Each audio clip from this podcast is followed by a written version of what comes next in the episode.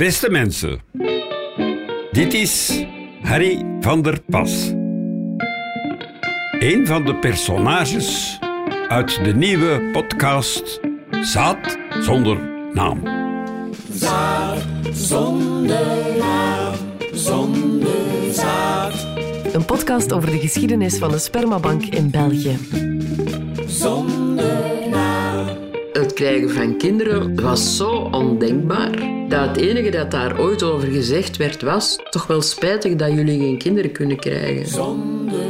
Een donor is iemand die vrijwillig zijn sperma afgeeft. Hè. Daar kan je daar meer over vertellen. Zij willen allemaal wel zaad doneren, maar wel onder absolute geheimhouding.